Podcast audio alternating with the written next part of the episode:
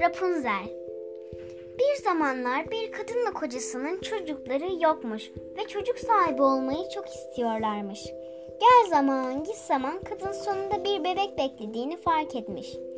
Bir gün pencereden komşu evin bahçesindeki güzel çiçekleri ve sebzeleri seyrederken kadının gözleri sıra sıra ekilmiş özel bir tür marula takılmış. Anda sanki büyülenmiş ve o marullardan başka bir şey düşünemez olmuş.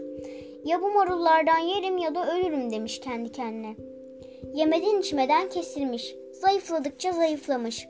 Sonunda kocası kadının bu durumundan öylesine endişelenmiş, öylesine endişelenmiş ki tüm cesaretini toplayıp yandaki evin bahçe duvarına tırmanmış. Bahçeye girmiş ve bir avuç marul yaprağı toplamış. Ancak o bahçeye girmek büyük cesaret istiyormuş. Çünkü orası güçlü bir cadıya aitmiş.